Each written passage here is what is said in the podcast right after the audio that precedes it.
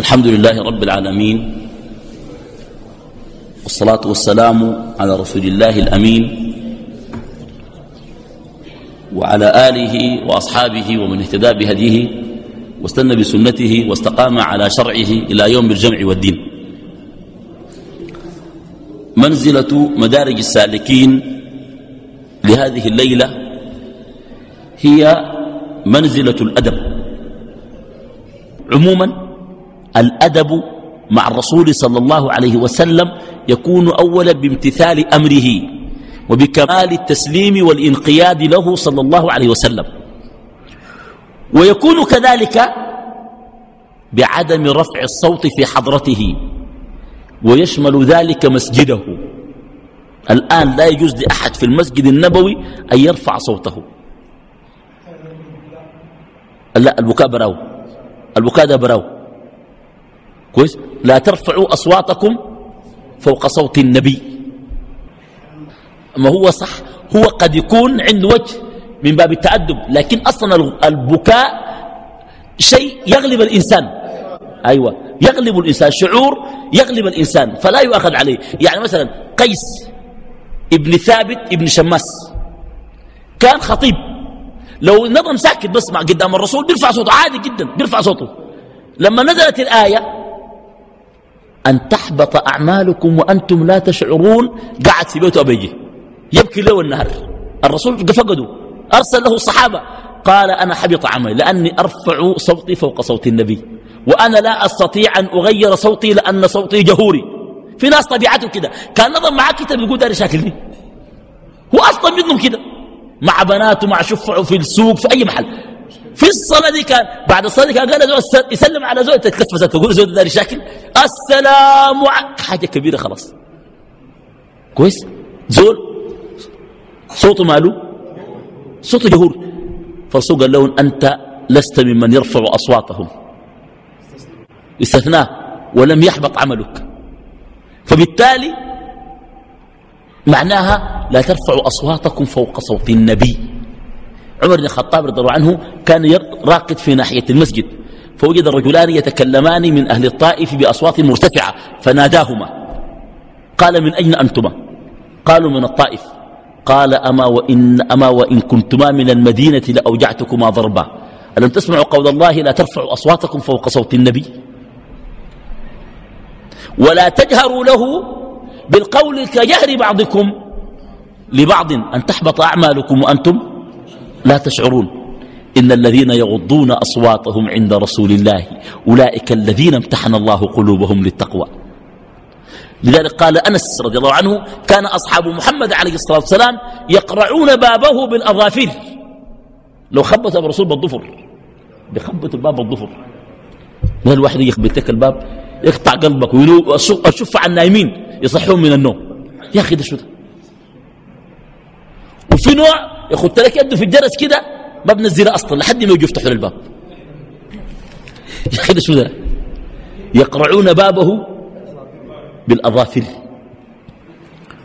هذا من الأدب مع رسول الله صلى الله عليه وسلم ومن الأدب معه قوله تعالى لا تجعلوا دعاء الرسول بينكم كدعاء بعضكم بعضا. وفي ذلك كما قال ابن القيم قولان للمفسرين. القول الأول لا تجعلوا دعاء الرسول بينكم كدعاء بعضكم بعضا أي لا تنادوه باسمه المجرد. إنما قولوا يا رسول الله ويا نبي الله تأدبا. ما تقول يا محمد؟ تقول منه يا رسول الله لا تجعلوا دعاء الرسول بينكم كدعاء بعضكم بعضا. والمصدر هنا مضاف إلى المفعول أي دعاء الرسول أو دعاءكم الرسول. دعاءكم شنو؟ الرسول.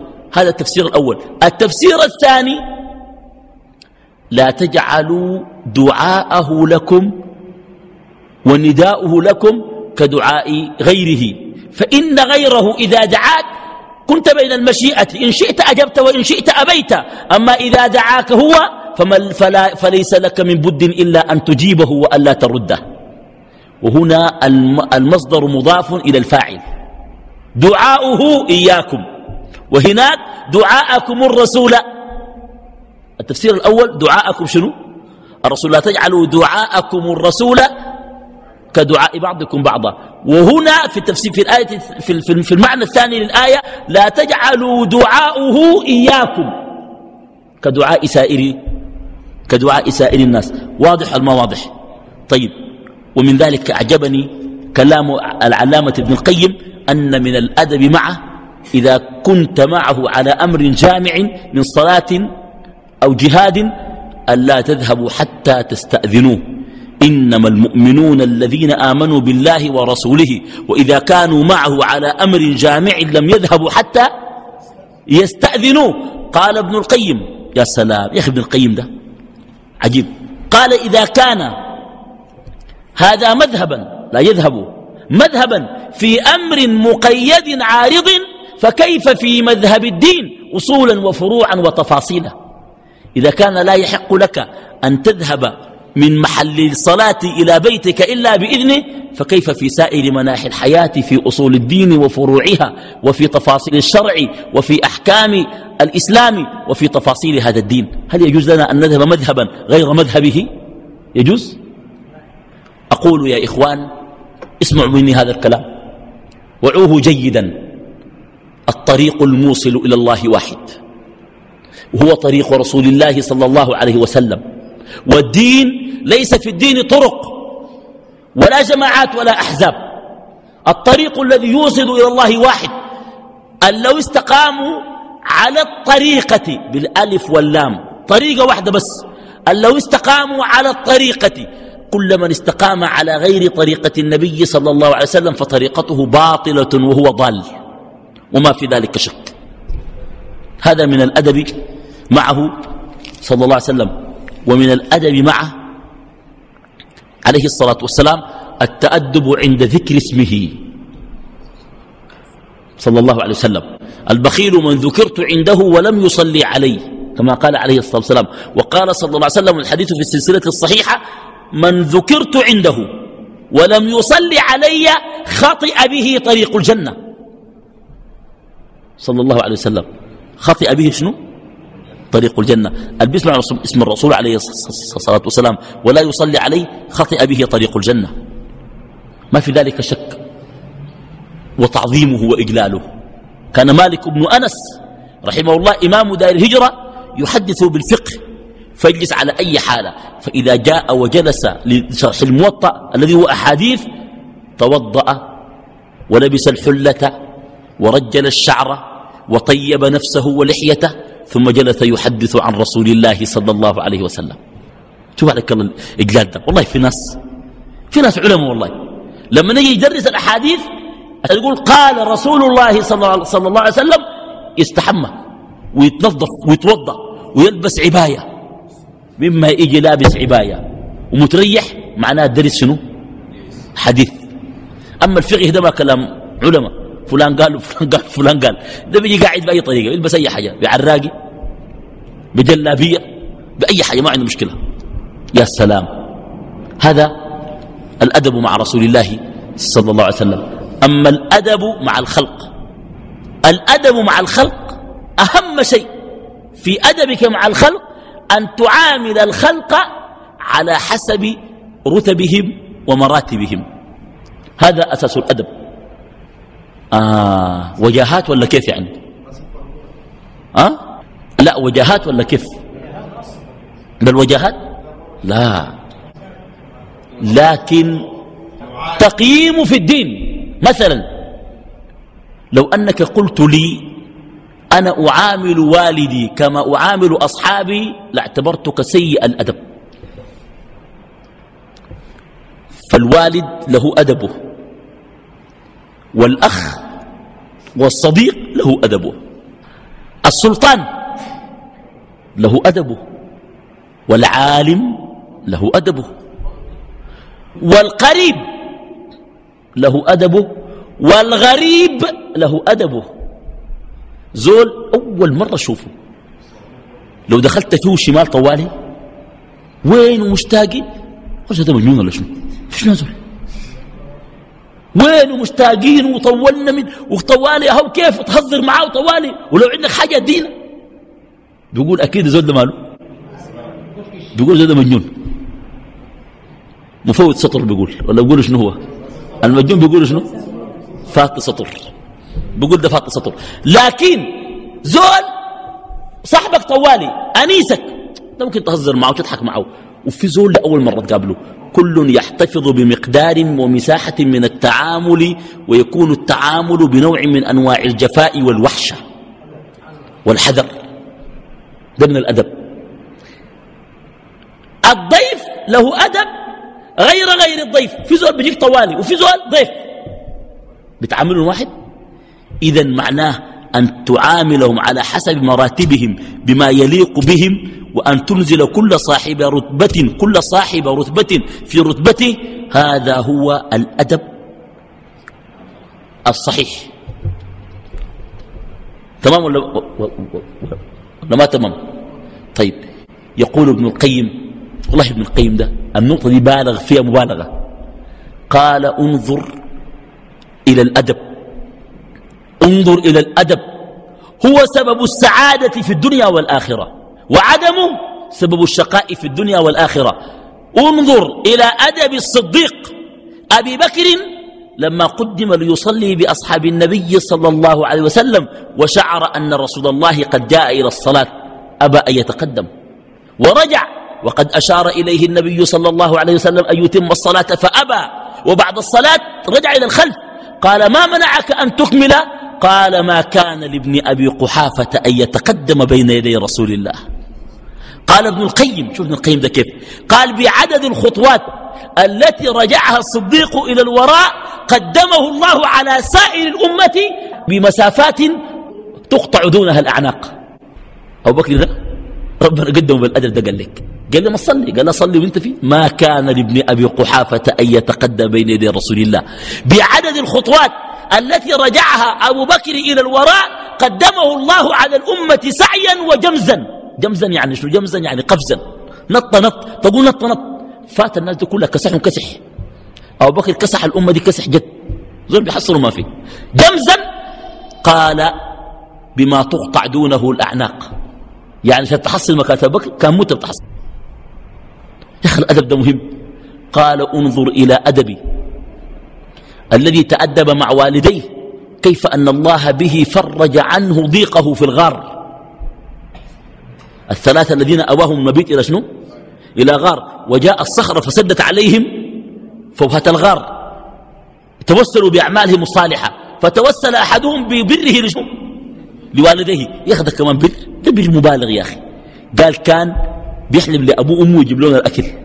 يسقيهم في الأول حتى يسقي صغار بيجي مربون اليوم ديك البهايم اتأخرت في الخلا. لحد ما جات أمه وأبوه ناموا شال القدح ودليه ولقاهم نايمين.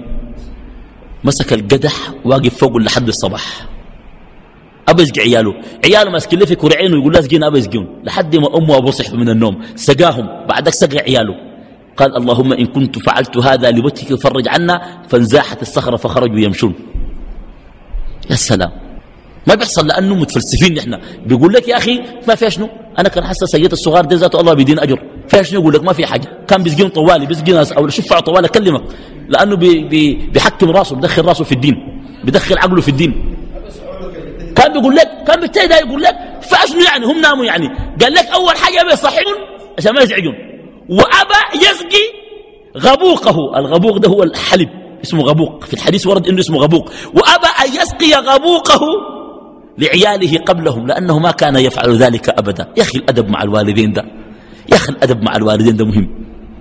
يا سلام. هذا من الأدب مع من؟ بعدين قال وكيف أنظر إلى من أخل ببر أمه؟ متاولا جريج العابد في الصلاة النافلة نالته أمه. قال أمي ربي أمي ربي ربي. فأتم الصلاة فعرضه ذلك لتكسير صومعته ولرميه بالفاحشة وضرب الناس له. أه؟ أيوة. قال لو كان فقيها لقطع صلاته وأجاب أمه. يا سلام. يا أخي الأدب ده. والله يا أخواننا الأدب ده. يا سلام يا أخي. يورث الإمامة ابن القيم يقول ما صار أبو بكر إماما على الناس إلا بأدبه مع رسول الله صلى الله عليه وسلم. السلام السلام الأدب مع الخلق ده مهم يا أخي. طيب. قال صاحب المنازل. منو؟ الهروي. قال صاحب المنازل الأدب حفظ الحد بين الغلو والجفاء بمعرفة ضرر العدوان. يا سلام. يقول ابن القيم دين الله بين الغالي فيه والجاف عنه. الذي يتشدد في الدين أساء الأدب مع الله لأنه عدوان. فعل الذي لم يأمره الله به. هلك المتنطعون. والذي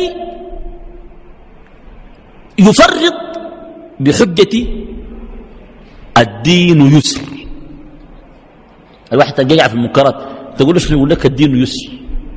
الدين شنو؟ الدين يسر. ابن القيم جاب هنا كلام رد في الصميم. يقول رحمه الله اسمع اسمع هذا الكلام. كلام لطيف جدا. يقول الدين يسر الدين الذي فعله رسول الله محمد عليه الصلاة والسلام. فإنه لا يناقض قوله فعله. فإنه كان يخفف في الصلاة ويقرأ بالصافات. ومن اليسر أنه كان تقام صلاة الظهر فيكبر ويخرج الرجل وقد كبر للتكبيرة للركعة الأولى فيخرج إلى البقيع فيقضي حاجته ثم يتوضأ ثم يدرك, ثم يدرك التكبيرة الأولى مع رسول الله. قال هذا عين اليسر. اليسر في فعله وليس في فعل غيره لأنه هو الذي قال الدين يسر. فمن الناس من يرى أن الدين يسر. قال هذا كلام ابن القيم. قال فينقر الصلاة ويسرقها. جاب مثال. قال إذا كان هنالك شخص قد جاع جوعا شديدا ووجد طعاما فأخذ لقمة واحدة أو لقمتين تكفيه أه؟ لا تغني عنه شيء. قال وكذلك المؤمن يأتي إلى الصلاة لأنها غذاء روحه جعانا فإذا ركع ركعات سريعة دون أن يقف عندها كان بمثابة الجائع الذي أكل لقمة واحدة. أما أهل الإيمان فيشبعون من الصلاة شبعا شديدا بتطويلها وإتقانها. كلام لطيف جدا بالمناسبة. و و و ولذلك يقول ضرب مثال قال مثلا الأدب مع الله في الصلاة بأن تكمل الصلاة وضوءها وأركانها ومستحباتها وأن توقعها كما صلى عليه الصلاة والسلام صلوا كما رأيتموني أصلي. ده الأدب فيها الخروج من الأدب أن تفرط بأن تنقرها سريعا وأن تسرقها سرقة. اللي هي الكلفة تكلفة الصلاة. ده سوء أدب مع الله. والذي يبالغ ويغلو في الصلاة مثل يوسوس في النية ويرفع الصوت ويجهر بالأذكار والدعوات السرية. وتطويل ما كان من السنة تخفيفه. السنة قالت خففه يجنو يطول. هذا سوء أدب مع الشرع. أيضا. فالأدب من ذلك التوسط في كل شيء. قال في الأنبياء الأدب في الأنبياء أن لا تغلوا فيهم كما غلت النصارى في المسيح وأن لا تجفوا عنهم كما جفت اليهود في الأنبياء. النصارى بالغوا في المسيح. واليهود قتلوا منه قتلوا الأنبياء. والأمة الوسط هم الذين عزروا الأنبياء ونصروهم واتبعوا ما جاءوا به. أن تكون وسط في حقوق الخلق. كيف؟ أن تكون وسطا في حقوق الخلق قال ابن القيم أن لا تفرط في حقوق الخلق فتضيعها. وأن لا تستغرقك حقوق الخلق بالكلية فتضيع صلواتك وأذكارك وعباداتك وصحتك ومصالحك. صح ولا ما صح؟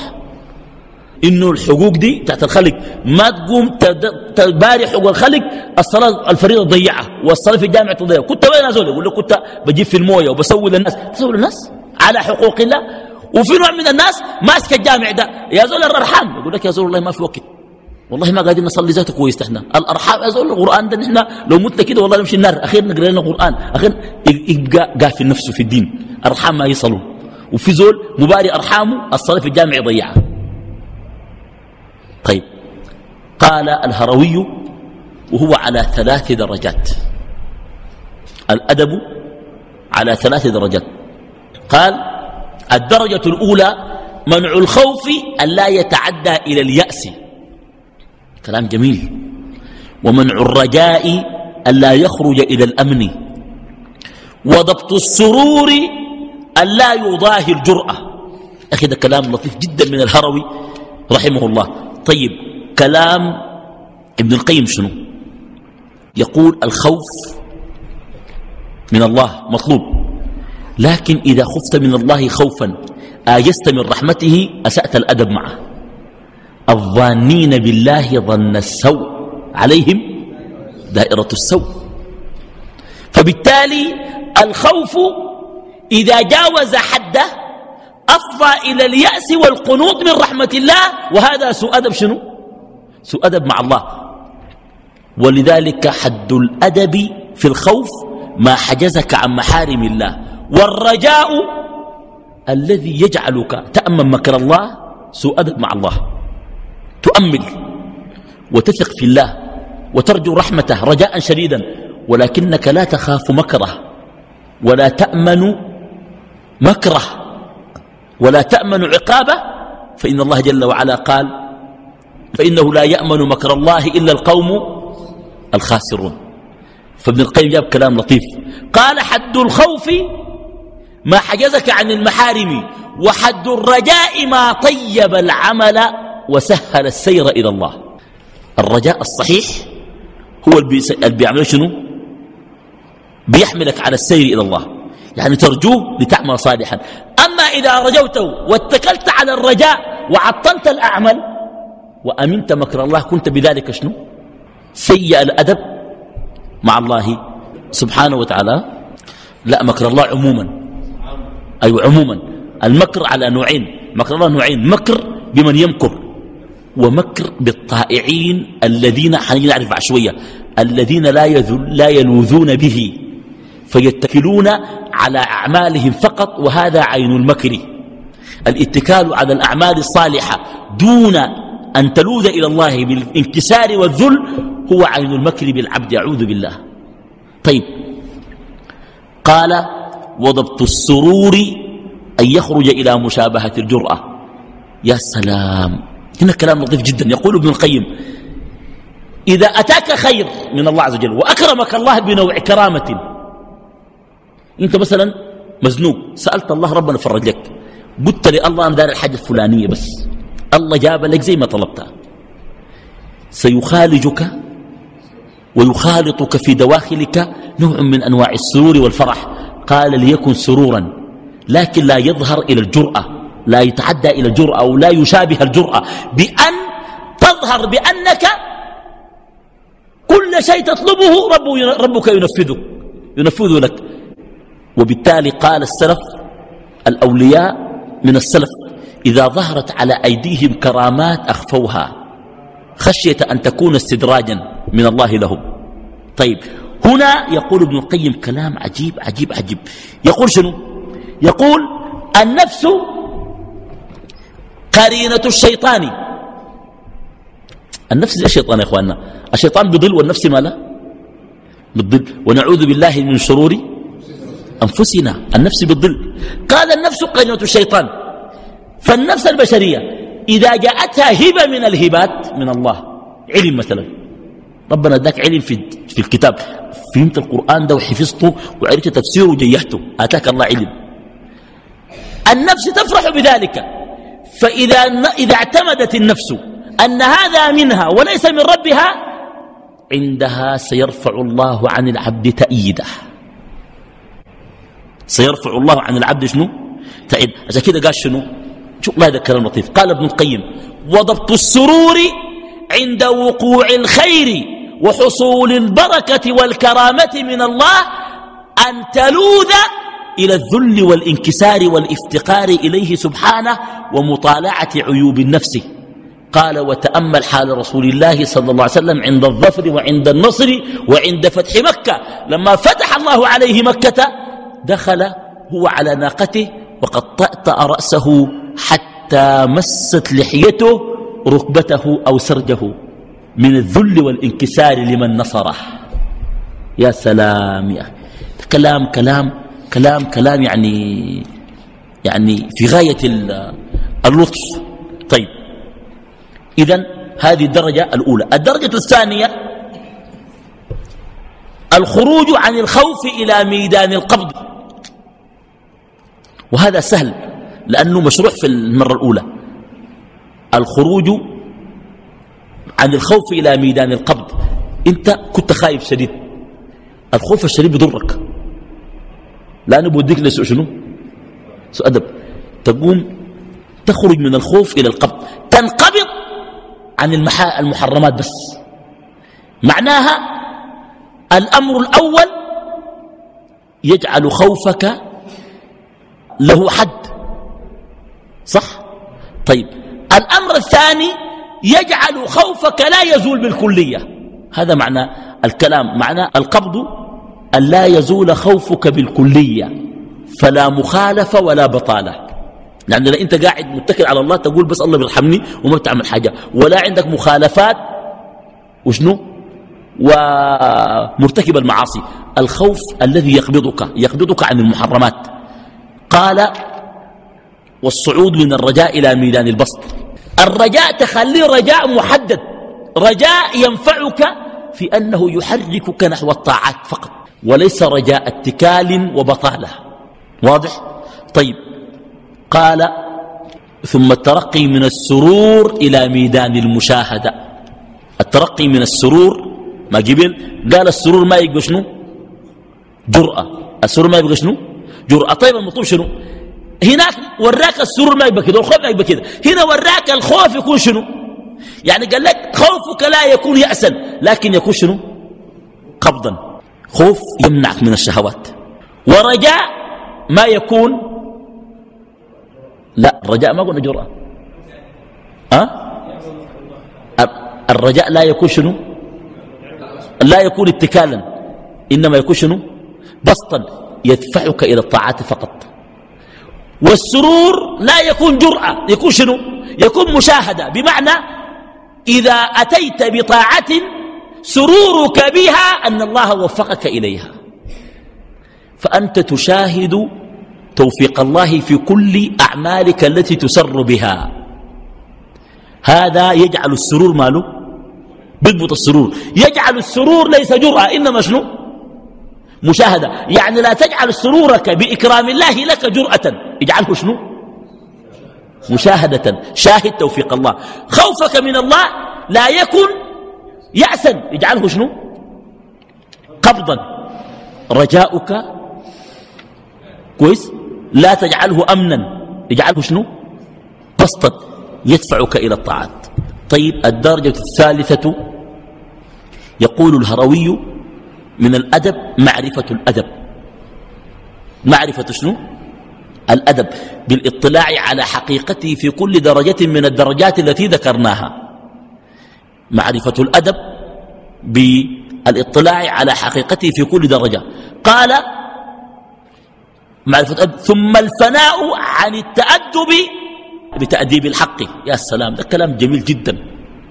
ثم الفناء عن التأدب بتأديب الحق. شوف الفناء عن التأدب. أنت لا تزعم أنك مؤدب لأنك تفنى في, في النظر إلى أدبك. يعني يضمحل نظرك إلى أدبك. فلا ترى نفسك مؤدب. ولو زعم الناس أنك مؤدب تقول إنما بتأديب ربي لي. الفناء عن التأدب بتأديب الحق. بتأديب الحق لمن؟ لك. يعني يعني شوف قال شنو؟ ثم الخلاص من شهود أعباء الأدب. يا سلام يا أخي ده كلام عجيب. ثم الخلاص من شهود أعباء الأدب. شوف الكلام كيف يقول ابن القيم. شهوده شهود العبد. شهوده توفيق الله غلب شهوده أدبه. فهو لا ينظر إلى أدب نفسه لكنه ينظر إلى الذي أقامه على هذا الأدب. إخوان واضح الموضح؟ طيب كالآتي. الرجاء سهل جدا. تؤمل في الله وترجو رحمته. لكن ينبغي أن يكون هنالك عمل. الرجاء بغير عمل أمن لمكر الله. فحد الرجاء في مقام الأدب مع الله أن ترجوه بعد أن تقدم العمل. وهذا الرجاء الذي يصعدك إلى, يصعدك إلى ميدان شنو؟ البسط. العمل يعني البسط العمل. والخوف كثرة الخوف والوعيد والمعاصي والخوف منها تجعلك تقلق بمعاصيك دون أن تفعل صالحا تعطلك. ولكن الخوف المراد به أن لا يكون يأسا. إنما أن يكون قبضا من المحرمات. الخوف يمنعك من المحرمات لكن خوف يمنعك حتى من الطاعات هذا خوف مذموم. والسرور والفرح بعطاء الله لك ومواهب الله التي أنعمك الله إياها. يا إخواننا الفصاحة موهبة العلم موهبة حفظ القرآن موهبة الواقع صاحب السير والأخبار والتاريخ. المأمون أعطاه صورة ليحفظها من القرآن فعجز. قال هذا رجل فتح له في التاريخ فقط. تقني في التاريخ يوريك عبد المطلب حببته منه وجدهم منه. وسكنوا تين وبس زمن وحافظ لك القبائل والأشعار والساكنين وين وناس وين وجرهم وين والحجون ومكة والمدينة والصحابة والغزوات. علم إلا سكته سورة من القرآن ما يقدر يحفظها. قال هذا رجل فتح له في التاريخ. الله اداك موهبة. إذا قلت أنا عندي وأنا عندي صار سرورك بمواهب الله جرأة. لكن تضبط الجرأة بمشاهدة منة الله الذي أعطاك. لا تنظر إلى الكرامة ولكن انظر إلى المكرم. بعد ما تصل عليهم كرامات يتكلموا بها. كرامة وينضموا صاروا يتكلمون عن الكرامة أكثر من من؟ أكثر من المكرم الذي أكرمهم بالكرامة. فبالتالي هنا يقول معرفة الأدب ثم الفناء عن التأدب بتأديب الحق. يعني يغلب شهودك أن الله أدبك هذا يغلب نظرك إلى أدبك. فأنت لا تنظر إلى أدبك لأنك مقر أن الله هو الذي أدبك. ففكرك ليس مع أدبك إنما مع عظمة الذي الذي أدبك. أعطيك مثال. واحد لقى زول عالم بيشرح شرح تقيل. يفسر القرآن ده بدخله جوا قلبك. عارف قال شنو؟ قال سبحان الذي أعطاه. سبحان الذي شنو؟ أعطاه. يعني قال الرسول ده الله بس الله الدو سبحان الذي أعطاه. هذا اسمه شهود الحقيقة. لذلك قال ابن القيم رحمه الله حقيقة الأدب. ده, ده, ده كلام رفيع جدا لابن القيم. قال شنو؟ قال الفناء عن الأدب هو حقيقة الأدب. قال حقيقة الأدب أنه صار مؤدبا مع الله ومع الناس حتى صار الأدب سجية وحالا ملازما له لا ينفك عنه أبدا. مؤدب دائما. فبالتالي هو إذا تأدب مع الله أو مع غيره لم يتكلف الأدب. وبالتالي الأدب جزء منه صار. صار الأدب صفة لازمة له. فلما صار الأدب صفة لازمة له فهو لا يتكلفه وباستغراقه في شهود من أنعم عليه بالأدب صار لا ينظر إلى نفسه مؤدبا وبالتالي لا يتحمل أعباء الأدب. إخواننا الزول المؤدب طوالي الما بيتكلف الأدب ما بيحمل أعباء الأدب. لكن أنت في كل موقف تقول والله أنا حابب أكون مؤدب في الموقف ده. وبعدها تحاول تبقى مؤدب. لكن لو زول أصلا مؤدب بطبعك ما بتقول ما بتتحمل أعباء الأدب. بتكون مؤدب بتلقائيا. وهذا لا يكون إلا بعد أن تمرن نفسك على الأدب فيصير الأدب لك سجية دائمة. وهنا يقول الهروي ثم الفناء عن التأدب بتأديب الحق ثم الخلاص من شهود أعباء الأدب. قال ابن القيم ولا يكون الخلاص من شهود أعباء الأدب إلا بعد أن تفنى عن أدبك بالنظر إلى من أدبك. تفنى بشهود نفسك وأدبك بالنظر إلى من أدبك. فطالما أنت تنسب التوفيق إلى الله فأنت لن تتحمل أعباء الأدب ولن تتكلف الأدب ولن تتعب. هذا معنى شنو؟ معنى كده واضح ولا ما واضح؟ ولا تاني أشرحها؟ أيوه. تفنى يعني شنو يا اخوانا فهمتوها؟ تفنى ما تعاين لإنك أنت مؤدب. واللي بيخليك ما تعاين لإنك أنت مؤدب شنو؟ نظرك إلى من أقامك في مقام الأدب. عرفت؟ المنزله الجايه منزلة اليقين.